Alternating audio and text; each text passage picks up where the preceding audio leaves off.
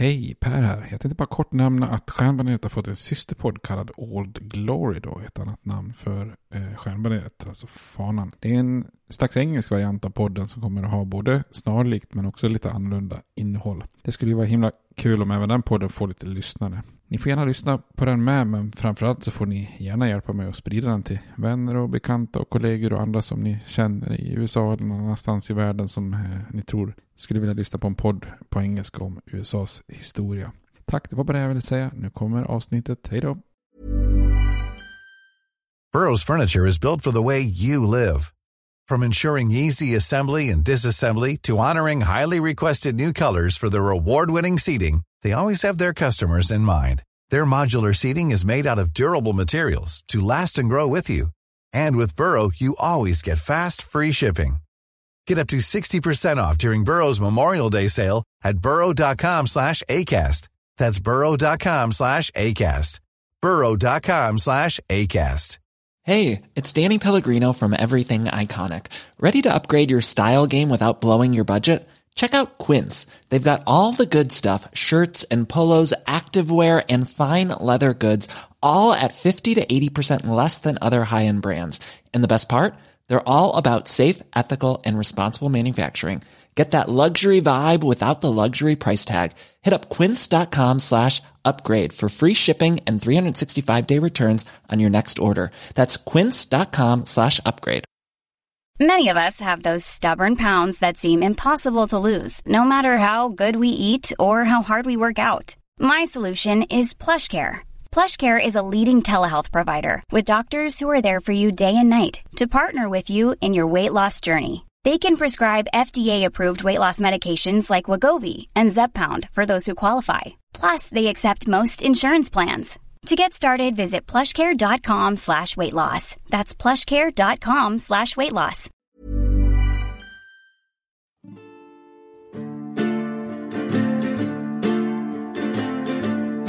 We hold these truths to be self-evident, that all men are created equal, that they are endowed by their Creator with certain unalienable rights, that among these are life, liberty, and the pursuit of happiness.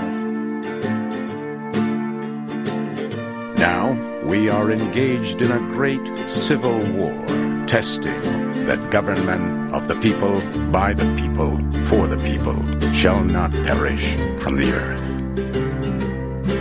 And so, my fellow Americans, ask not what your country can do for you. Ask what you can do for your country. I have a dream. My four little children will one day live in a nation where they will not be judged by the color of their skin, but by the content of their character. Mr. Gorbachev, tear down this wall. I did not have sexual relations with that woman, Miss Lewinsky. Japp, då hälsar vi välkomna till Stjärnbaneret igen. En podcast om amerikansk historia. Och hej som vanligt till dig Robert. Hej hej. För, jag för mig att vi kallade dig för Robert Brewer Magician förra avsnittet. ja, så var det va? ja, välkommen ja. Äh, magiker. Ja, tack så mycket. Men jag vet inte vad du har sagt. Du har alltid sagt Per va? Ja. Annars brukar du alltid säga Poli. Ja, det, det är ju vanligast Poli. Ja. Jag benämner dig som Poli. Ja. Ja. Men brukar du, brukar du, jag kommer inte ihåg om du brukar presentera dig själv. Stjärnbaneret med mig, Per Fjärdingby. Ja, jag får, ja. ja. Men, äh, ja, men då har vi rätt ut vilka vi är i alla fall. Ja. Något sånt här. Uh, vi tänkte vi skulle fortsätta i den här översiktsserien. Uh, och nu ska vi gå över till att prata mycket om expansion västerut. Uh, och vi tänkte börja med Texas. Ja. Det blir trevligt. Men du, innan vi nämner det, eller innan vi går vidare med, med översiktsserien här så jag tänkte på det, förra avsnittet pratade vi om eh, Martin Van Buren. Och då mm. pratade vi också om den här Van Buren Boys. Ja. Ja, såg du det jag skickade över den här t-shirten som eh, fanns? Ja, den skulle man ju köpa. Eh, ja. Den var, eh, vi pratade om det här Van Buren Boys-gänget i Seinfeld där. Eh, street Gang. Och då fanns det en t-shirt som stod Van B-boy for life. och så var det Martin van Buren i bakgrunden så håller han upp åtta fingrar precis som vi pratade om. Det var ju världsklass t-shirt. Alltså. Ja, det var det. Som skulle man vilja lägga hemma. Och det var för att han var åttonde president? Ja, precis. Ja, mm. ja. Ja, Mycket det- bra eh, gangsterhälsning. Ja, verkligen. Men eh, som vanligt innan vi går vidare, vad har vi för öltips när vi ska prata Texas då? Ja, här kommer vi fram till att vi båda hade valt samma öl. Så jag, jag tänker att du får säga något om ölen och så kanske jag kan fylla på med någonting kring bryggeriet möjligtvis. Ja men det kan vi göra. Mm. Eh, vi tänkte båda på Lone Star Lager. Hur kommer det sig? Vad, vad kommer namnet av? Jo, ehm, som vi kommer att se här nu i dagens avsnitt så kommer ju Texas att vara en egen liten republik under ett antal år. Och då kallas den ju för Lone Star Republic eftersom den bara har en stjärna. Och sen när Texas blir en stat så då blir det ju också då Lone Star State. Så Mm. att, eh, därav. Ja. Men vilka som brygger den? Eh, Från början har jag läst på här att det är ett bryggeri som heter Lone Star Brewery. Men de blev uppköpta av ett större Pubst heter det va? Det är de som är kända för den här uh, Blue Ribbon. Just det, brewery. Ja, för det är ganska stort tror jag för mig. Mm. Ja, det, det såg ut som att de har lagt under sig ett tiotal mindre bryggerier då, till sin Ja, okej. egen koncern, säger man så? Låter bra. Det gör man. Ja. Och Blue Ribbon, de hade faktiskt ett blått sidenband runt varje flaska. Ja, från början. Eh, Ja, Mm. först före kriget och, och då menar jag Det finns många krig men då menar jag andra världskriget. Vad sa du? Revolution? ja. ja. Men sen även efter då, en kort stund. Men det höll väl liksom inte i längden. Det blir ju ganska dyrt. Nej. Och Hur- omständigt tänker jag. Att ha ett blått band på varje flaska. Hur såg flaskan ut under Vi- Vietnam? Nej, då fanns det inget blått. Men man har ju kvar den eh, i, på etiketten då. Ett blått, blått band. Den är väl jämförbar med en Budweiser va? Den kanske till och med sinne, sinnebilden av en ljus amerikansk lager. ja, jag tror det faktiskt. Mm. Mm. Pubst. Mm. Ja, men då har vi en rekommendation. Ja, det passar väl bra då. Känner När vi ska vi- prata om Texas. Texas, får man säga Texas? Det tycker jag verkligen vi ska göra. Det, det är det vi kommer komma in på. Ja. Men, eh, vi kanske, jag ska försöka, jag kommer nog säga Texas, men Texas och Tejanos får vi säga. Ja, Med sånt riktigt spanska ljud. Ja. Ja. Men, Där är du bra tror jag. Jag tror du kommer vara bättre nu att uttala. Du har ju lite problem med franskan tycker jag. lite problem. Ja, men spanskan har du ju ändå Ja, Den här, läst. nu kommer jag komma in på mer känt Ja, bra. ja. bra.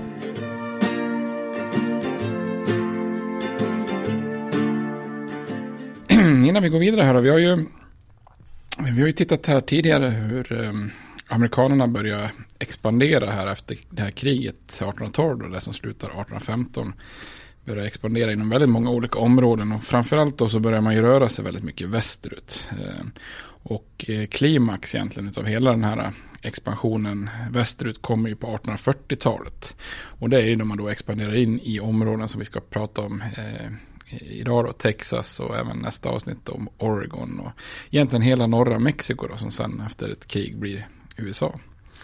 Eh, och bakom den här expansionen så finns det ju en här väldigt nationalistisk eh, ideologisk övertygelse som, har, som fick namnet, eller som har namnet Manifest Destiny, alltså ungefär ödets manifest eller ett bestämt öde. Något liknande då. Och det här myntas av en demokratisk tidningsman, John O'Sullivan, på 1840-talet i en tidning i New York. Men själva liksom fenomenet och den här ivern att ta sig västerut hela tiden för att ja, skapa ett nytt liv och röja mark och sånt där. Det har ju föregått själva namnet här som dyker upp på 40-talet. Men eh, efter det här så pratar man nästan alltid om Manifest Destiny oavsett vilken del av expansionen av USA västerut som man pratar om då. Och den här rörelsen, den här tron är ju en slags tro på att USA har ett öde eller en historisk uppgift eller kanske så här gudomligt uppdrag att, att man måste eller skulle expandera västerut. Och man såg då en slags vision av ett nytt stort imperium då. Eh, Redan Jefferson pratade om en, ett Empire of Liberty, en slags frihetens imperium då. Och det är ju det här liksom amerikanska experimentet då med revolutionen och att man inte har kungar, ingen adel. Och det här tycker man är så för, förträffligt så att det här borde ju rimligtvis också förtjänas att spridas då. Och då är det många som tycker att Gud helt enkelt har valt ut amerikanerna och deras kommande generationer för att ge dem uppdraget att sprida den här civilisationen över kontinenten. Och det här har ju väldigt djupa rötter, vi pratade om det här puritanerna en gång i tiden där i New England. Alltså de hade ju också en övertygelse om att de var helt utvalda av Gud. Och att deras koloni då i nya världen skulle vara som de kallade då a shining city on a hill. Eh, och alltså ett slags exempel värt att eh, sprida då. Men det har ju också en ganska, ska man säga, rasistisk grund. För man, alltså är man utsedd eh, och har fått ett uppdrag av Gud, då eh, får ju ingen stå i vägen heller. Då, då kör man ju på så att säga. Inga, Med Guds rätt. Precis, det är lite mm. som eh, lite korstågsaktigt och inga indianer eller mexikaner eller någon får stå i vägen där. Och man ser ju mycket på västern som någon slags vildmark som är tom och outvecklad och befolknad med ja, underlägsna eller outvecklade folk. Och då tycker man att man har den mer eller mindre rätten på sin sida. Det är kliv åt sidan eller, eller besegras då. Och det har ju funkat på något vis redan i öster där att liksom plogen och rösträtten och predikstolen det, liksom, det har ju puttat undan ursprungsbefolkning och andra nationaliteter redan där. Så nu är det dags för västern helt enkelt. Mm. Och amerikanerna har ju i den här tiden en väldigt starkt arv också från den här koloniala perioden att man misstror allt som har med påven och Rom och eh, katolska läran att göra. Eh, man tycker att katolsk lära är väldigt odemokratiskt och ett hot mot den här republikanismen i USA. Då. Så att strida mot mexikanare, det, det är också liksom lätt för många amerikaner att, att rättfärdiga rent moraliskt. Liksom, för det strider mot påven och den katolska läran. De ser som kättare då nästan. Ja, ja, i princip. Ja, precis. En slags omvänd. omvänd ja, mm. precis.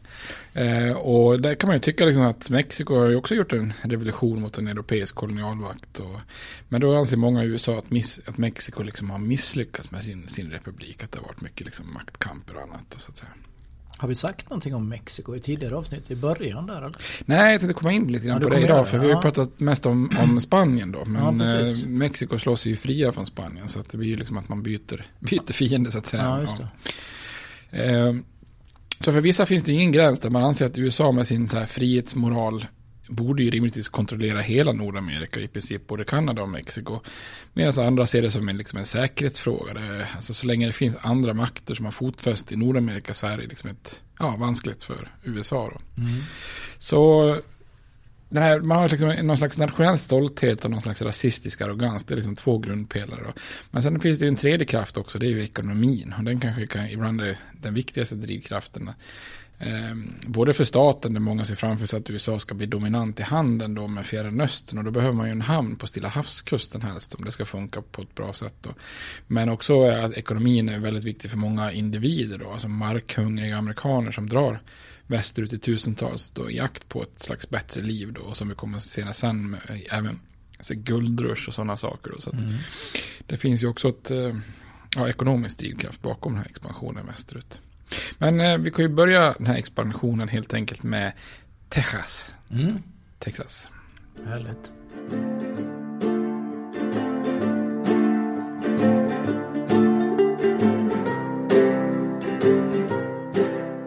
Kan du inte berätta lite mer om Mexiko där och hur de slår sig fria från Spanien? Yep. Ehm, ja, vi pratade ju faktiskt lite grann om ehm, Spanien redan i avsnitt två på den här podcastserien. Ehm, och då pratade vi det här med att USA egentligen inte alls som man kanske normalt tänker växer från öst till väst. Utan att de första som är på plats och börjar etablera delar av dagens USA det är ju då spanjorerna. Och de utforskar ju stora delar av det som är dagens södra USA. Och redan 1598 så, så etableras den spanska kolonin Nueva Mexico. Alltså New Mexico, det som bland annat blir New Mexico. Namnet överlever ju än idag som en delstat. Mm. Ehm, och eh, man etablerar då en väldigt, väldigt välkänd ort 1607 då. Det är orten Santa Fe. Ehm, och där kan man ju se då att Santa Fe grundas ju 1607. Det är ju då samma år som britterna skapar Jamestown, den första Eh, engelska kolonin som överlever där i Virginia. Eh, men Spanien är ju väldigt fokuserade på Syd och Mellanamerika så att eh, kolonierna längs dess med USAs sydkust och från Florida till Texas och vidare västerut till södra Kalifornien är ju väldigt glest befolkade med, med spanjorer. Och i början av 1800-talet så börjar ju då Spaniens koloniala imperium att falla sönder.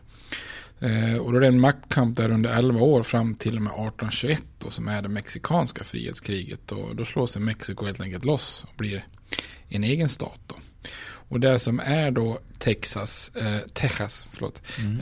eh, ligger ju då eh, i utkanten av Mexiko. Då. Det är ju som nordöstra utkanterna helt egentligen. Då.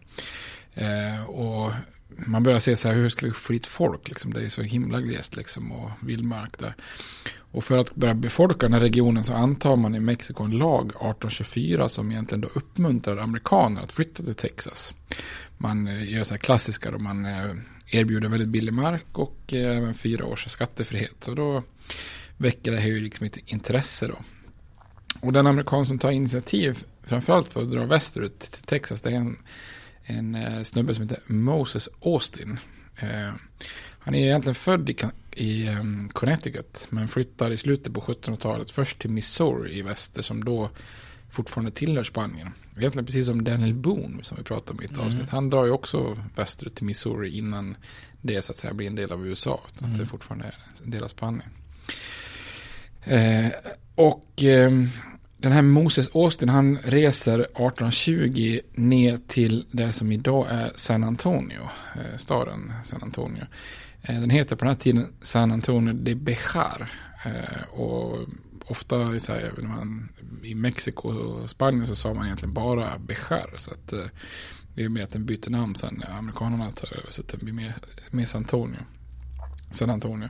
Det är ju idag USAs sjunde största stad tror jag till och Så stor. och den grundas i början på 1700-talet just för att kolonisera då. och föra familjer dit. Eh, först hittar man då spansk befolkning från Kanarieöarna som man flyttar dit verkligen mm. som någon slags tvångsförflyttning verkar som. Men eh, då får ju han Austin då, Moses Austin, han får ju rättigheter då av den mexikanska staten att kolonisera, eller egentligen först av den spanska staten att kolonisera Texas. Eh, men på den här långa resan hem mitt i vintern då tillbaka till Missouri för att hämta lite amerikanska familjer så dör han. Men han, de här rättigheterna tas över av hans son Steven Austin. Eh, och året därpå då som är 1821 så dyker den här knappt 30-åriga sonen eh, Steven Austin upp med 300 familjer som är de första amerikanska bosättarna i Texas då. Och då dyker de upp ganska lagom till att det är lite turbulens där när Mexiko frigör sig från Spanien. Men i och med att det här erbjudandet om billig mark och sånt där, eh, det kvarstår. Så det gör att det, tusentals amerikaner börjar flocka till Texas. Och de allra flesta kommer ju från södern. Så att de tar ju med sig sina slavar och tänker sig att man då ska skapa eh, bomullsplantage och liknande på de här generösa landrättigheterna. Mm. Så när vi kommer fram till 1830 så bor det ungefär 7000 amerikaner i, i Texas då. Vilket är mer än dubbelt så många som antalet eh, ursprungliga mexikaner då. Tejanos helt mm. enkelt. Eh, men sen var det skava då. Redan 1826 så är det en amerikansk bosättare som heter Hayden Edwards som han försöker helt enkelt kapa loss en liten bit av Texas och skapa en självständig republik som heter Fredonia. Mm. Börjar känna igen det här. Det är ganska ofta det är någon som försöker bryta loss en del ja, och skapa. Det går sällan bra. Nej, det är inte så jätteofta det går bra faktiskt. Eh, men mexikanska trupper slår ner det här eh, upproret och då får man bland annat stöd av han Steven Austin. För han tycker inte att det liksom är läge och han vill liksom jobba inom Mexiko så att säga. Mm. Och då börjar man ju, alltså trots den här Austins lojalitet så börjar mexikanska ledare fundera över hur Alltså hur många amerikaner är det nu då som delar den här drömmen om självständighet? Och de amerikanerna har ju blivit väldigt många. Så 1830 så då antar man en lag som förbjuder ytterligare inflyttning från USA. Och dessutom försöker man också förbjuda slaveriet. Ehm, men på något sätt hjälper inte det här. För det här ligger ju i utkanten av imperiet. Så att eh, det är svårt att stoppa folk. Liksom. Så att det fortsätter att forsa in amerikaner till Texas. Eh, och det innebär ju då att relationerna med Mexico City och Texas de försämras ju allt mer. Då. Eh, och 1832 så vill Texasborna få ytterligare självstyre. Och det vill man genom att försöka separeras från den större delstaten som man tillhör då. Man tycker att vi kan väl få ännu mer självständighet inom den här mexikanska unionen. För Mexiko är ju också så här federalistiskt som, som USA med liksom starkt lokalt styre. Eh, och Steven Austin han eh, manar lite till försiktighet men de andra tycker att vi måste ändå kräva detta. Så han tar på sig uppgiften att föra de här kraven till Mexico City. och där fängslas han och blir kvar några år så det är ju inte så lyckat för honom. Han var lite motvillig från första början. Sen mm. får sitta i fängelse för skiten. Eh, och medan han Austin är borta så är det mer radikala amerikaner som förespråkar självständighet i Texas som börjar mer och mer tänka på det med självständighet. Och samtidigt så tar en viss general López de Santa Anna eh, makten i Mexiko. Och den här personen kommer vi komma tillbaka till eh, många gånger i de kommande avsnitten här. Eh, Mexik Mexikos historia och den här Santa Annas eh, historia är väldigt sammanflätade på något vis. Då. Och han tar över som en slags diktator med ambitionen att styra landet mer centralt. Då. Även eh, delar som ligger i utkanten som till exempel Texas. Då. Så det blir ju en lite dålig kombo då. För i Texas så tänker ju inte amerikanerna, den amerikanska majoriteten, de tänker inte bli katoliker, de tänker inte acceptera något slaveriförbud. Och de tänker inte låta sig styras från Mexico City. Nej. Så då gör man sig lite redo för, för strid och sådär. Och, och när rykten att mexikanska trupper på väg norrut så ja, då har man liksom fingret på, på avtryckaren redan och lite hispigare. Så ehm, det utbyter då strider i en liten stad som heter Gonzales. Um, där får man höra att mexikanska trupper är på väg för att ta eh, den lilla kanonen som man har där för att skydda sig mot indianer. Mm. Och den här eh, kanonen är tydligen helt värdelös, eh, värdelös som jag förstås rätt. Men den kan göra lite ljud och det brukar hjälpa för att ursprungsamerikanerna försvinner för att den låter, låter kraftigt. Men den här lilla värdelösa kanonen blir då en symbol. Och då börjar man ju prata om likheten med Lexington och Concord när amerikanska revolutionen bryter ut. För det är ju också att eh, brittiska trupper ska ta ett vapenförråd i eh, Concord. Som, som liksom, mm. ja, och nu ska de ta den här Texas-kanonen. Så ja. då, då, eh, då är de ju lite stingsliga. Så att 1835 då, den 2 oktober, så sker det då skottväxlingar vid den här lilla orten Gonzales där. Innan mexikanska trupper retirerar. Så att då är det som brukar kallas för Texas frihetskrig igång. Ja.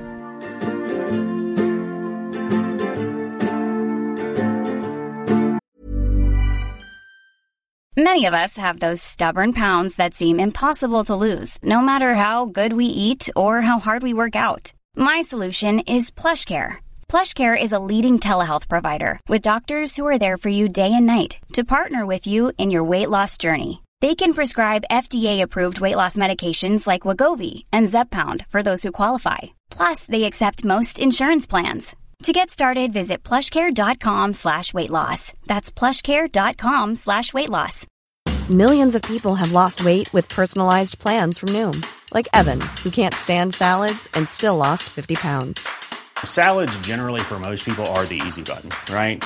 For me, that wasn't an option.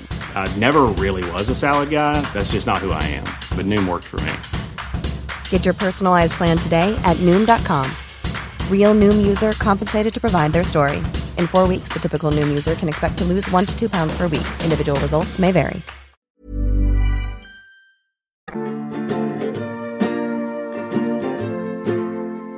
De bryter ut krig här då. Japp. Och hur var Blue Ribbon då? Nej, då uppstår det ju då massa sporadiska väpnade strider där under slutet av 1835 då. Och ledarna i Texas, då, de amerikanska ledarna, de samlas för att skapa en, eh, en frihetsarmé där eh, och ett styre för Texas. Man utser en viss Samuel Houston till att bli eh, överbefälhavare över armén då. Man försöker räcka ut en hand och efterfråga hjälp från USA. Eh, och precis som kolonisterna 1775 då, under den amerikanska frihetskriget så gör man också liksom en sån här proklamation till världen om varför behöver vi ta upp eh, vapen här nu, varför är de så jävla elaka och dumma här mexikanerna. Man är dock, precis som amerikanerna var eh, motsvarande tillfälle 75 så är man dock lite splittrad i det här. Ska vi verkligen förklara oss självständiga eller ska vi liksom bara försöka få mer självstyre inom Mexiko då? Eh, för många vill ju ena sig, för det finns andra mexikanska delstater som också är lite grann i konflikt då med de mer central, centralistiska förespråkarna i Mexico City då. Men den här Santa Ana i alla fall, generalen, han tänker inte tillåta något uppror i nordost. Och han är ju en militär, så som den militär han, han är då så leder han en armé mot Texas för att slå ner det här upproret. Eh, och när den mexikanska styrkan på ungefär 2400 man under Santa Ana försöker inta orten San Antonio då, eh, så tar en liten, liten, liten styrka på 188 man då, eh, som håller på att försöka försvara republiken Texas, de tar en försvarsposition i en gammal spansk missionspost som, som heter Alamo, då, eller El Alamo. Och det här blir en väldigt känd händelse då. Bland, bland de här försvararna som finns där så finns David Crockett då, som är tidigare representerat Tennessee-kongressen men också James Bowie, han som är känd för den här stora jaktkniven. Mm. Bowie, Bowie-kniven. The Alamo har man ju hört talas om. Men ja, jag precis. Jag har lite dålig koll på själva vad som sker och så. Ja, det är ju, det är ju sån här riktigt, det har ju blivit film och massa, det är så här legendarisk. Är det inte någon låt som heter Remember the Alamo? Eller, något? Det kan... eller är det ett uttalande? Ja, precis. Det blir ett sådär frihetsrop. Men det kanske finns en låt. Det skulle inte få om det finns en låt. Jag bara kom på att jag har hört Remember the Alamo. Ja, precis. Eh, nej, för, och det här blir ju legendariskt eftersom då han, Santa Ana, han genomför en 13 dagar lång belägring av den här missionsposten då. Eh, och sen så låter han sina trupper storma eh, Alamo på morgonen den 6 mars 1836. Och den här lilla Texas-styrkan försvarar sig väldigt, väldigt envist. Så det blir en väldigt dyrköpt seger för mexikanerna. De förlorar cirka 500 man då. Så det blir en jättedyrköpt seger då. Och en sak som då sen då, det som kanske också gör det lite mer legendariskt den här händelsen, det är ju att det här Texaskriget eh, präglas väldigt mycket av brutalitet. Då, för de mexikanska ledarna ser inte kriget som en, som en revolt. Utan de ser det mer som en invasion av utlänningar som försöker frigöra Texas eh, från Mexiko. Då. Mm. Till viss del har de ju rätt. För det är ganska många amerikaner som ja. har strömmat till för att strida på Texas sidan. Men det här innebär också att man från Mexikos sida behandlar alla rebeller som invaderande pirater. Då. Och pirater kan man ju alltid avrätta på fläcken. Liksom. Mm. Så, så, att, eh, så av de här ja, som det står i amerikansk litteratur, litteratur såklart frihetskämparna. Så av de här frihetskämparna vid Alamo så dödas alla utom tre, utom tre kvinnor, två barn och en afrikansk slav. Så att eh, resten av eh, allihop, inklusive de här Bowie och Croquette, de dödas då. Mm. Men sen finns det ytterligare en garnison då på en ort som heter Goliad. Som egentligen är ännu större än Alamo. Eh, som möter samma öde då. Att den belägras och stormas.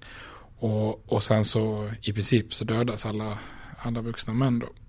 Så egentligen när vi kan säga Goliad en större eh, förlust än, än Alamo. Men precis som du säger så är det det här Remember the Alamo som blir liksom stridsropet då för alla i Texas att samlas runt. Och så och amerikanerna börjar ju se alla mex mexikaner som fiender vid det här laget, oavsett om de är federalister eller centralister. Och nu börjar allt fler förespråka självständighet från Mexiko. Så den 2 mars så samlas man igen då och så förklarar man sig självständiga från Mexiko. Eh, så det blir lite grann som när vi pratar om den här republiken Vermont, alltså att man, mm. man, man utropar en helt egen liten fristående republik då. Men de har ett taskigt läge där i Texas. Då. Det är inte mycket som talar för dem. Där. Eh, den här generalen då, Sam Houston, han lyckas hålla ihop då en liten desperat eh, Texas-styrka. Men han retirerar gång på gång då, får utstå väldigt hård kritik. Lite som Washington också, det finns mycket likhet med frihetskriget där. Men sen den 21 april 1836 då, då slår han Houston till rejält mot Santa Ana och eh, i ett slag då vid San Jacinto eh, så lyckas han då eh, med 800 man. Så på bara 18 minuter så dödar och tillfångatar de hela Santa styrka på 1400 man. Så det är ganska, ja det är en framgång kan man säga. Ja, de förlorar själva nio man. Nio man. Så, ja, ja, så det måste ju vara att de ger upp väldigt, väldigt snabbt. Ja. Och många av mexikanerna. Då. Måste ha blivit omringade eller något. Känns ja, och sen eh, dagen efter själva slaget så kommer själva triumfen då. För att då är det hittar man en mexikansk soldat som gömt sig eh, och tar honom till fånga. Men då visar det sig att det är ingen vanlig soldat utan det är själva Santa Ana själv som inte har lyckats fly då. Mhm. Utan har legat gömd då. Och hade man hittat dem, hittat dem samma dag som slaget då hade ju säkert någon bara skjutit han i ren vedergällning liksom för de här massakerna. Men nu inser de ganska snabbt att han levande är ju en jäkligt bra förhandlingsbricka liksom. Så här, nu kan vi deala här ganska kraftigt här. Eh, så han har inte så mycket val här utan han är ju diktatorn då så att eh, då tvingar de honom att skriva under ett fredsfördrag då som godkänner Texas självständighet och sen tvingar de av honom ett löfte att han inte ska till, ta till vapen mot Texas igen ifall han släpps eh, fri då och får återvända till Mexiko. Det kommer han ju aldrig att erkänna själv i efterhand så att säga men, men så får det bli då. Så att det innebär då att Texas har varit en egen republik mellan åren 1836 och 1845 då när man blir en del av USA. Eh, och som vi sa inledningsvis så kallas det ju för Lone Star State efter att man då kallas för Lone Star Republic då. Och man hade ju en egen flagga som är som en minivariant av USA då med en enda stjärna och sen en vit och en röd rand. Då, så att eh, ja, det ser verkligen ut som en slags miniatyr stjärnbaner då. Eh, och man känner igen många av de här namnen på personerna. Austin och Houston. Man känner igen det. Det blir Ja, ju såklart. De får ju städer Ja. uppkallade efter sig då. Och den här första snubben, Moses Austin, han som aldrig egentligen han riktigt kolonisera, han brukar ibland kallas för the father of Texas. Mhm. La pappa de, de, Dejo. Ja. Det- höll jag. Eh, så att eh, då blir helt enkelt eh, Texas sin egen eh, självständig republik. Ja.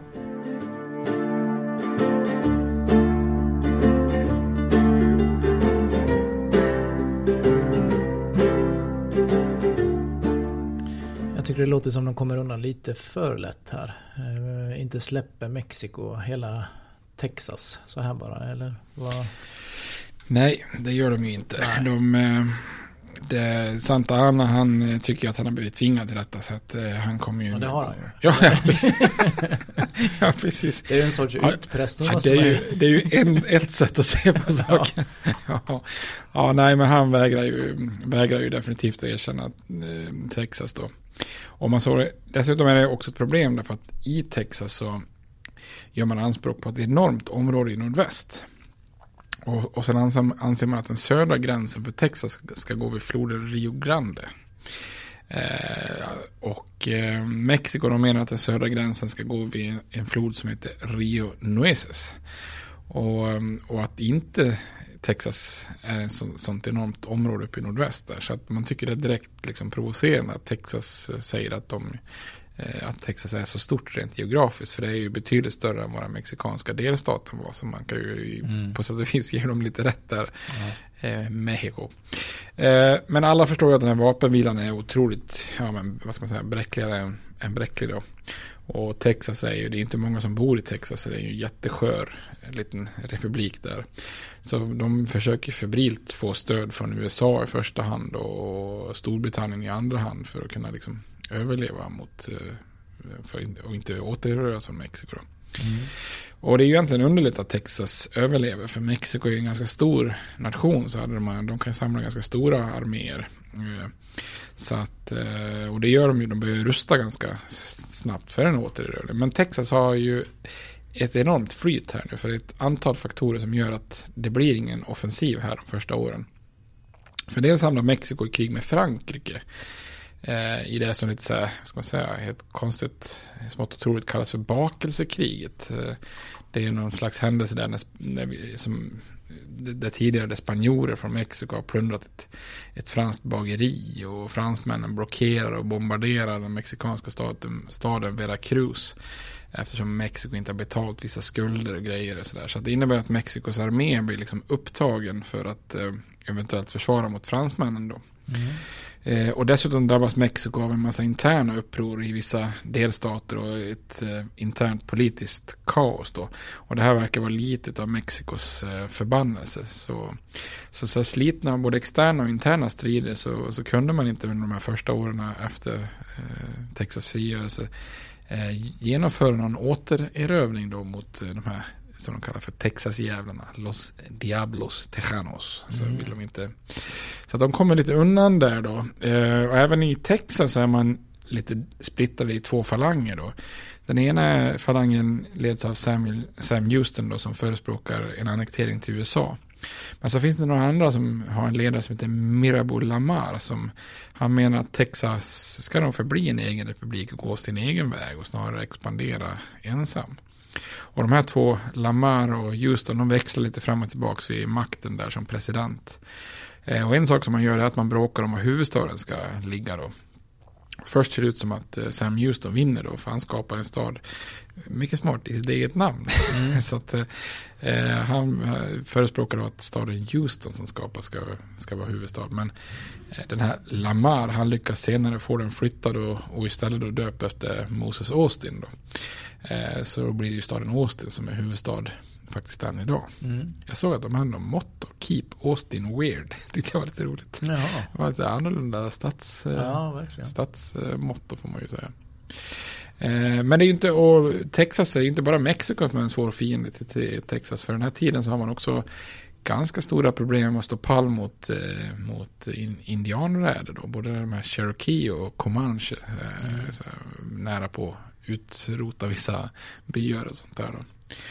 Eh, men mitt uppe i allt det här så går Texas själv på offensiven då. Eh, främst efter att det här Houston har fått kliva åt sidan för den här Lamar som president. Då. Och då är det många i Texas som anser att den mexikanska provinsen New Mexico eh, som idag då kanske mer är både New Mexico och Arizona, att, den, att det området tillhörde Texas. Så man skickade väldigt så här djärvt iväg en expedition för att inta den här staden, Santa Fe. Eh, men den är helt misslyckad och eh, återigen så blir ganska många avrättade och fängslade och, och sådär. Eh, och sen då 36 blir ju Texas fritt eller självständigt från Mexiko. Eh, ja, om man frågar Mm. Tejanos, inte Mexicanos. Eh, men eh, under åren 1841 till 42 då, 5-6 år senare, så då börjar mexikanska styrkor göra lite så här räder mot Texas. Man intar bland annat eh, San Antonio vid ett tillfälle och tillfångatar en massa högt uppsatta Texas-politiker. Eh, Så Texas känner sig aldrig riktigt helt säkert och, och det är på grund av de här räderna då som man skapar en slags eh, paramilitär gränsstyrka på 280 ungefär beridna beväpnade män då som och ett smeknamn för dem är att de kallas oftast för Rangers då. Så Mm. det är ju själva eh, grunden till det som lever kvar än idag. Att det finns en speciell slags polisstyrka i Texas som heter Texas Rangers. Vem är den mest kända Texas Rangern, tycker du? Ja, det, det är ju Chuck Ja, Norris. ja. Visst har vi nämnt honom tidigare? Ja, jag tror det. Ja. Men vi har, jag kommer inte ihåg vad han heter i... Vad heter Walk, Jo, Walker, ja. Heter han Walker, Texas Ranger, heter Ja. väl, ja. Jag vet dock inte vad han heter i förnamn. Nej, han Eller är bara. Ja, bara ja. Walker, ja. Det kanske, Men bra, då slipper jag nämna honom sen när jag går igenom populärkultur. du får gärna ta, ta mer tycker jag Chuck Norris. Nej, det blir inget mer än detta. Nej, okej. Ja, fortsätt. Ja, men då ja. har de satt upp en liten paramilitär Precis. styrka där då. Ja, och då med hjälp av USA eller? Nej, det är Nej, deras egna. ja, det har de gjort helt eget då. Ehm, och då skickar Mexiko en jättestor här. Men då är det en man som heter Walker, Texas Ranger. Jag skojar. Nej, men ehm, efter 1843 så börjar faktiskt de här um, väpnade räderna avta och Mexiko och Texas, de, ehm, ja, det är ju in, in, in, inträffar en slags eldupphör. Alltså man, accept, man accepterar inte varandra i grunden. Eh, men man eh, gör inte så mycket räder och militära kampanjer mot varandra. Då. Men det är ju också mycket för att den här Santa Ana, han har ju varit borta då, eh, blir, av, blir avsatt och försvinner. Men han kommer ju sen då tillbaks till makten här på 1840-talet och, och då börjar ju han riva det här avtalet och, och, och vill ju då att eh, Texas ska bli mexikanskt igen då. Men eh, det är ungefär samtidigt som faktiskt eh, Texas blir en del av USA så att det blir lite lång näsa på Santa Ana. Mm. Men de är självständiga här ett tag nu då, men sen blir de en del av USA. Det, är det ett motstånd mot att bli det? Eller vad, ja, det finns säkert de som fortfarande hoppas att de ska vara en egen republik då. Ja, faktiskt inte så himla många. För att eh, redan 1836 så röstar man om, om eh, ifall man vill, vill bli en del av USA. Och då är det faktiskt eh, om de här uppgifterna är rätt, 3277 personer som är för en annektering till USA och 91 emot. Så det är en ganska kraftig majoritet får man ändå, ändå säga. Men eh, det blir inte redan 36 utan det dröjer ganska många år då som eh, precis som du sa, det är ju en egen republik och det är för att Texas öde är liksom känsligt på egentligen alla plan då. Eh, för, att, för att säkra sina hem så väljer ju Samuel Houston att, att redan, eller Sam Houston att, som första president att, att skicka en delegation för att kolla om Texas kan ansluta sig till USA, då, den amerikanska unionen. Men i Washington så är det ju jättemånga som absolut inte ens vill ta den här frågan med, med tång. Liksom.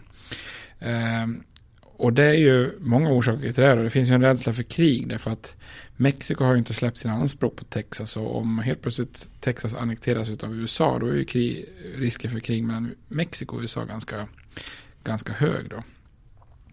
Eh, och vissa ifrågasätter sig en annektering rent praktiskt. Alltså kan man, är det förenligt med konstitutionen att liksom inkorporera en utländsk stat in i unionen som en delstat? Eh, och Texas är ju dessutom ganska stort till ytan då. Så då blir nästa fråga, ska det upptas som en stat eller ska det bli många stater eller vad, vad händer liksom rent praktiskt då? Men den frågan som framförallt blockerar en annektering av Texas det är ju eh, att den skulle omedelbart öppna upp den här känsliga frågan om slaveriets vara eller inte. Mm. Eh, så konflikten mellan nord och syd som precis på den här tiden på 1830-talet verkligen börjar liksom hetta till eh, rejält då. Mm. För då uppstår ju den, då den ganska naturliga frågan om Texas ska bli en del av den amerikanska unionen. Ska slaveriet vara förbjudet eller, eller inte? Och om, om, om Texas ska delas upp i flera stater då blir det ju ännu känsligare. Ska det bli flera eh, slavstater eller fria stater? Så både presidenten Andrew, Andrew eh, Jackson och eh, Martin van Buren är ju väldigt försiktiga för de de tänker att det här frågan är alldeles för kontroversiellt för att överhuvudtaget hantera. Då. Mm. Så det är ju lite intressant att tänka tanken att Texas hade överlevt som självständig republik. Eh, hade det gjort det hade man kanske kunnat sätta ett mönster för kommande avknoppningar av norra Mexiko där, där många önskar sig ett ökat självstyre från Mexiko eller från Mexico City då, till exempel Kalifornien då. Eh, och det fanns ju en del i USA som såg Klippliga bergen som en naturlig liksom, gräns västerut. Så i så fall hade kanske det här Manifest Destiny kan stannat vid Klippiga bergen och så hade det liksom kanske blivit något, något annat där mellan Mexiko och USA då. Mm. Eh, och ett land som önskar sig precis just den utvecklingen det är ju Storbritannien. Eh, man hoppas ju på att ett självständigt Texas ska kunna bli liksom en buffertzon Eh, och ett hinder för amerikansk expansion men också en slags alternativ försörjare av bomull till brittisk eh, industri då, istället för från amerikanska södern. Så än idag kan man se en skylt på en byggnad i London på St. James Street där Texas hade sin diplomatiska delegation placerad faktiskt. Den mm -hmm. finns kvar än idag. Titta på då. Men Texas ska ju bli amerikanskt och, och så, men det återkommer vi till tänkte jag i nästa avsnitt. Innan dess så Eh, ska vi försöka hinna med att prata om eh, expansionen västerut både till Oregon, Utah och eh, Kalifornien. Så att, ja. Men vi, kör en, vi drar ett streck där. Kör, har vi kört Texas eller republiken Texas egentligen? Då? Ja.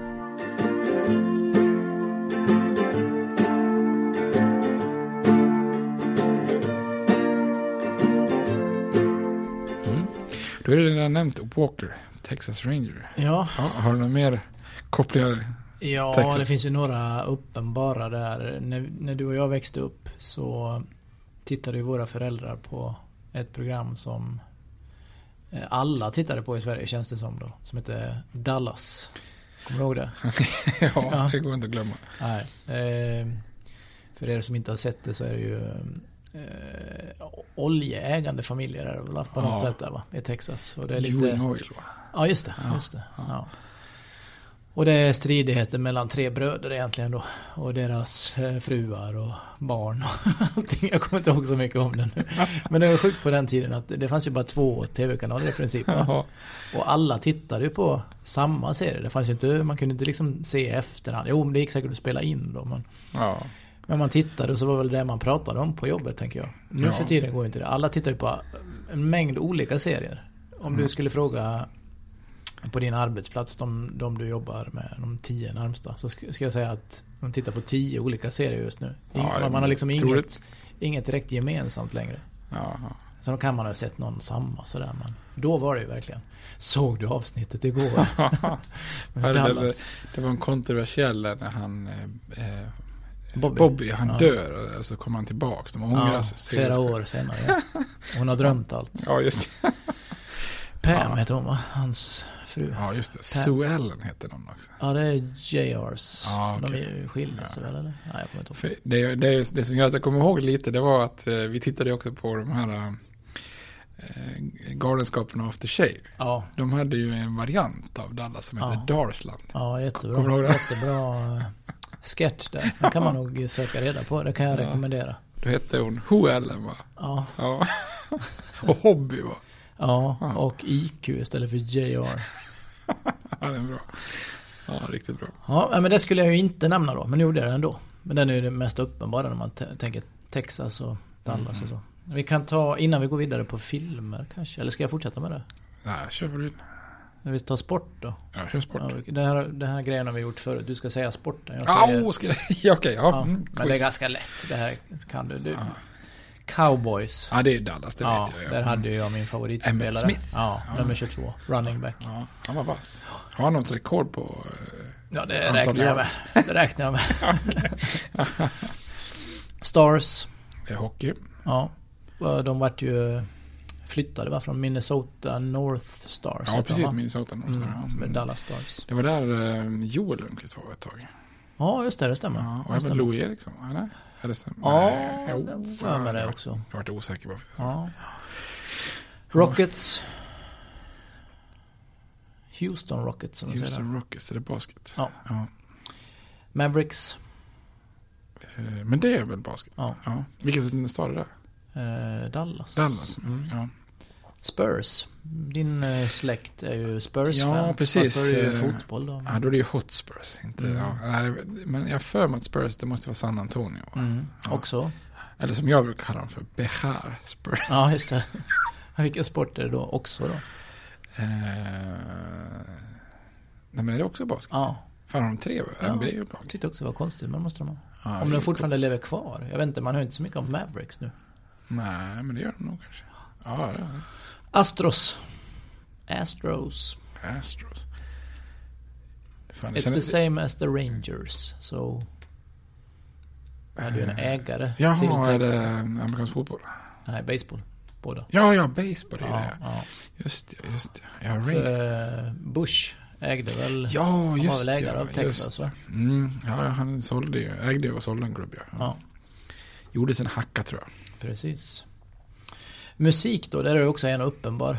Det finns ju en grupp som heter Texas, men jag vet inte om de är Ja, från det. Texas. Tänk, vad fan har de gjort för länge? Det, det här, Well you can say what you want but it won't change my ja, det I där. feel the same Ja, okej, ja, just det. Det är de, ja, ja. about you. Bra! Första Eh. sången här. Jag läste ju nationalsången en gång. Ja, just det, just det. Just det. Ja, vi. Men sen har vi Janis Joplin också. Jaha, är hon där? Mm, hon är född i Texas. Okej. Kan väl inte säga att hon hade sin karriär i Texas, men det är väl värt att nämna som en, Ja, en som är född i Texas. Och hiphop, du och jag, det är konstigt, vi är ju två vita medelålders gubbar nu då. Det är sjukt att vi kan vara så bra på amerikansk hiphop på 90-talet. Men Ja. vad tänker du på för grupp då? Från eh, Texas? Då tänker jag på gruppen från The Fifth Ward. Ja, Ghetto Boys. ja precis. Ja. Kan Ja, vi men det- fortfarande vara medlemmarna hette? Bushwick Bill? Eh, Scarface och Willie D. Mm. Ja, och sen var ju även Big Mike in ett tag. Ja, han kom in senare va? Ja, precis. Han var inte med tror- från start, Nej. Jag fick för mig att det var tvärtom. Att det var Scarface som kom in senare. Ja, okej. Men det kanske det inte är. Nej, men eh, det var faktiskt nyligen jag tittade lite grann på om dem. Mm. Jag har för mig att de kanske hade någon ytterligare någon medlem. Att de var fyra från början. Men den Mm. fjärde har jag ingen aning om vilka den, vem det var. Nej. Men jag tror att Big Mike ersatte, ersatte Willie D under en period. Men Ja. så kom Willie D tillbaks. Så då fick tydligen Big Mike fimpa bort igen. Jaha. Ja, ja. ja det är, ju- de Willie D han var the clean-up man eller? Hade ja precis. Ja, jo, nej, men låt- det Gangster Boogie, var det de också? Jaha, ja. Mind of a Lunatic och Mm. eh, Mind Playing Tricks. Jag har ju den kanske vi som du och jag har lyssnat mest på. Ja, det är det. Den är ju jättebra fortfarande. Jag lyssnar ofta på den. Ja. Det är när jag är ute och löper och sådär. Scarface gjorde ju en eh, låt med Nas också. Ja, som heter det. In Between Us. Det är en av mina favoritlåtar med Scarface. För ja. Ja, men har man inte, om man gillar eh, rap och inte har lyssnat på Ghetto måste man ge det en chans. Det är Ja. så släpig Texas. ja, den är bra. Verkligen. Eh, lite mm, andra händelser då som man kan förknippa med Texas. Waco, om jag säger Waco, vad tänker du då? Staden Waco, Texas. Mm, är det en dödsskjutning? Mm. Ja. Ganska många. Eller de brann väl inne. Men det var ju den här David-sekten. Ja, ja, just det. David just. Koresh heter han väl där. Ja, ja, Ja. ja, just det. På 90-talet va? Ja, det måste ha varit där någonstans. Ja, jag, har inte, jag har inte Ja. årtalen där. Men det var ju lika där egentligen. De hade väl det här vi pratade att The Alamo var en sorts vapenarsenal. Det var ju FBI som hade fått lite nys om att de hade mycket vapen där på den där gården eller farmen som de bodde på. Ett stort komplex där. Och, och att det då på något sätt eh, pågick någon sorts övergrepp. Eller barnen fick ju inte komma till skolan. Det var väl hjärntvättning och jag vet inte hur det var med Nej. sexuella övergrepp eller sånt. Men de stormar ju den här Ja, just det. Ja, och eh, fyra FBI-agenter dog väl. Och sen skickade de in tårgas och sen började det brinna. Det är väl oklart. Ja, det, just det, det, det, det- sägs väl att de... Versionerna går isär. Ja, ja. Men det dog ju ett 80-tal personer där då. De brann Mm. väl inne och blev skjutna. Ja. Waco. Mm. Eh, filmer. No Country for Old Men. Ja, just det. Den- Väldigt bra Mm. film. Den är bra. Har vi nämnt den tidigare? Jag har för mig att vi pratade om vad det hette det här som hans vapen. Ja, just det. ja, Han skjuter någon grej. Ja, Men det heter ju Slaktmask. Ja, just det. Jo, men den, den Ja. pratar vi om. Ja, Ja, ja, Då kommer jag tillbaka till den då. Vad är den heter skådisen? Berdem, nej vad heter Ja, han? Javier. Ja, ja. just det. Bra, sp- lite spanskklingande namn. Javier. Javier, det var bra. Eh, Bonnie and Clyde. Båda är födda i eh, Texas. Ja, okej. Och eh, de eh, har det gjorts en mängd filmer om. Ja, verkligen. Ja, men de kommer vi säkert att nämna sen när vi har vandrat fram till där början av 1900-talet på.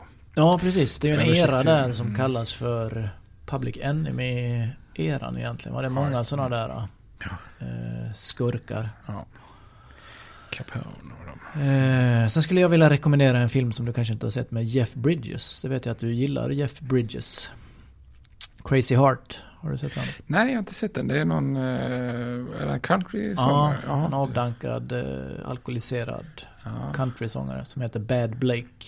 Ja, jag tror jag, den har jag inte sett faktiskt. Nej, den kan jag rekommendera. En liten sådär, jag ska inte säga feelgood film, det är det inte. För det är lite tragiska människoöden och så. Men den är, han är ju bra skådis alltså. Ja, verkligen. Han verkar eh, god. Man skulle kunna sätta ta en bärs man känns Ja, det tror jag. I den här filmen sjunger han ju också då. Och Han spelar är- gitarr. ja, Så Ja, han är god röst. Alltså. Ja, lite släpig. Sen har vi Motorsågsmassakern. Vad heter den på engelska? Ja, jag vet inte. Texas Chainsaw Ja, den är Massacre. precis. Jag Ja. tänkte säga det. Den heter ju inte riktigt. Och jag, jag har för mig att man liksom ville sprida att den skulle liksom ha skett på riktigt och den baserad på verklig händelse och så. Mm. Eh, Jag kommer ihåg vad skurken eller den här mördaren heter eller kallas. Åh, nej. Leatherface. Leatherface. Ja, och det där försöker man koppla till en, en eh, mördare som levde tidigare då på 50-talet någon gång som heter Ed Gain. Han okej. eh, hade skjutit en person och erkände så småningom ett eller två mord till då. Men när man gjorde ett eh, tillslag mot hans bostad så hittade man bland annat då en, en eh, mask gjord i människoskinn som han hade på sig. Och han hade också då börjat sy upp en liksom kostym av eh, hud. Från, dels från de här eh, personerna han hade mördat men han hade också då grävt upp kroppar på kyrkogården. Nej. Och han, hade, han ska ha haft då eh, huvuden på sina säng... Vad heter det? Sängpelarna? På Sänghuvuden. Sänghuvuden, Ja, var det människohuvuden då? Ja, bokstavligt. Ja, Ja, fy fan. Känner du igen någon mer film som där massmördaren syr en dräkt av hud? Ja, det ringer en klocka. Ja, men, eh, när lammen tystnar. Ja, Hannibal Lecter. Ja, han, han hjälper ju dem att hitta den här Buffalo Bill. Kommer du ihåg det? Ja, så var det. För att han gör ju inte det själv. Nej, just det är inte han själv som Ja, syr. just det. Just det. Mm. Ja. Så min egen tolkning är ju att även när Lammen tystnar då har tagit inspiration av den här uh, Ed Gain som han heter. Och att Motorsågsmassakern också hade gjort det med den här Leatherface då. Ja. Men de misstänker att han var transvestit, han ville bli kvinna. Han gjorde en kvinnokropp av döda Jaha. människor då. Och det är väl det som också sker i När Lammen tystnar va? Jaha, ja det kanske det är. Mm. Ja. På något sätt. Det är lite, det är liksom, det är rätt tänkt men väldigt, väldigt fel. Otroligt fel då. Ja, kom så. Ja. Ja. ja, fy fan vilka otäcka. Finns det några så här, här otäcka snubbar liksom? Ja, nu blev det mycket otäckt här Ja. med Waco och Ja. eh, den här Ed Gain Ja, ja. Motorsågsmassakern. Ja, har du något mer? Nej, det får räcka. Ja, jag har en sportis till. Ja, spännande. faktiskt, Ja, ja. En av alla städerna vi har nämnt nu Mm. eh, är ju en av de största städerna i USA. Men de har inget lag i någon av de stora ligorna. Austin. Ja, det Ja. låter bra. Ja, Ja, ja. Men tydligen så är det ju um, femte största universitetet eller någonting tror jag ligger i Austin. Så de har ju otroligt bra college-lag. Aha, Ja. det är mycket sånt då.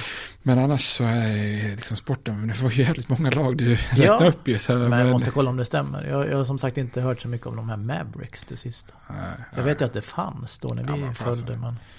Ja, men det finns ju vissa delstater som har typ tre hockeylag. Ja, det borde ju, ja. ja, det kan nog stämma. Ja, men roligt. Det var Ja. intressant. Nu fick du, det var, nu blandade du både skräck och glädje. Ja, det kändes som jag fick briljera nu. Men det var, jag hade Bra. gott om tid på mig med Ja. Texas här och läsa på och Ja. lite sånt. Och jag tycker det är kul när det blir om stater och sånt. Ja. Och det är en ganska stor stat. Det är det verkligen. Ja, nej, det kan man ju säga. Det vart ju bara en stat när den tog oss Mm. upp. Så det är ju, jag tror att det är den näst största befolkningsmässigt. Eller någonting sånt där. Mhm. Ja. ja. Ja, men bra. Men då bryter vi där då. Så Ja, det gör vi. fortsätter vi nästa gång. Det gör vi. Tack. Tack och hej. States like these and their terrorist allies constitute an axis of evil. And if the hippies and the yippies and the disruptors of the systems that Washington and Lincoln as presidents brought forth in this country will shut up and work within our free system of government, I will lower my voice.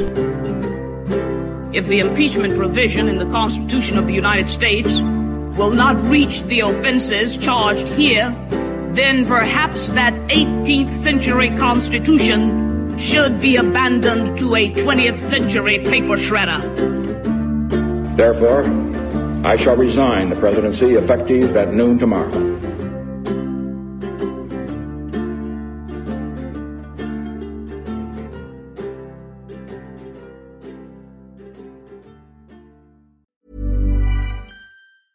Planning for your next trip? Elevate your travel style with Quince. Quince has all the jet setting essentials you'll want for your next getaway, like European linen, premium luggage options, buttery soft Italian leather bags, and so much more. And it's all priced at 50 to 80% less than similar brands. Plus, Quince only works with factories that use safe and ethical manufacturing practices. Pack your bags with high-quality essentials you'll be wearing for vacations to come with Quince. Go to quince.com slash trip for free shipping and 365-day returns. Hey, it's Paige DeSorbo from Giggly Squad. High quality fashion without the price tag. Say hello to Quince. I'm snagging high-end essentials like cozy cashmere sweaters, sleek leather jackets, fine jewelry, and so much more. With Quince being 50 to 80% less than similar brands. And they partner with factories that prioritize safe, ethical, and responsible manufacturing. I love that. Luxury quality within reach. Go to quince.com slash style to get free shipping and 365 day returns on your next order. Quince.com slash style.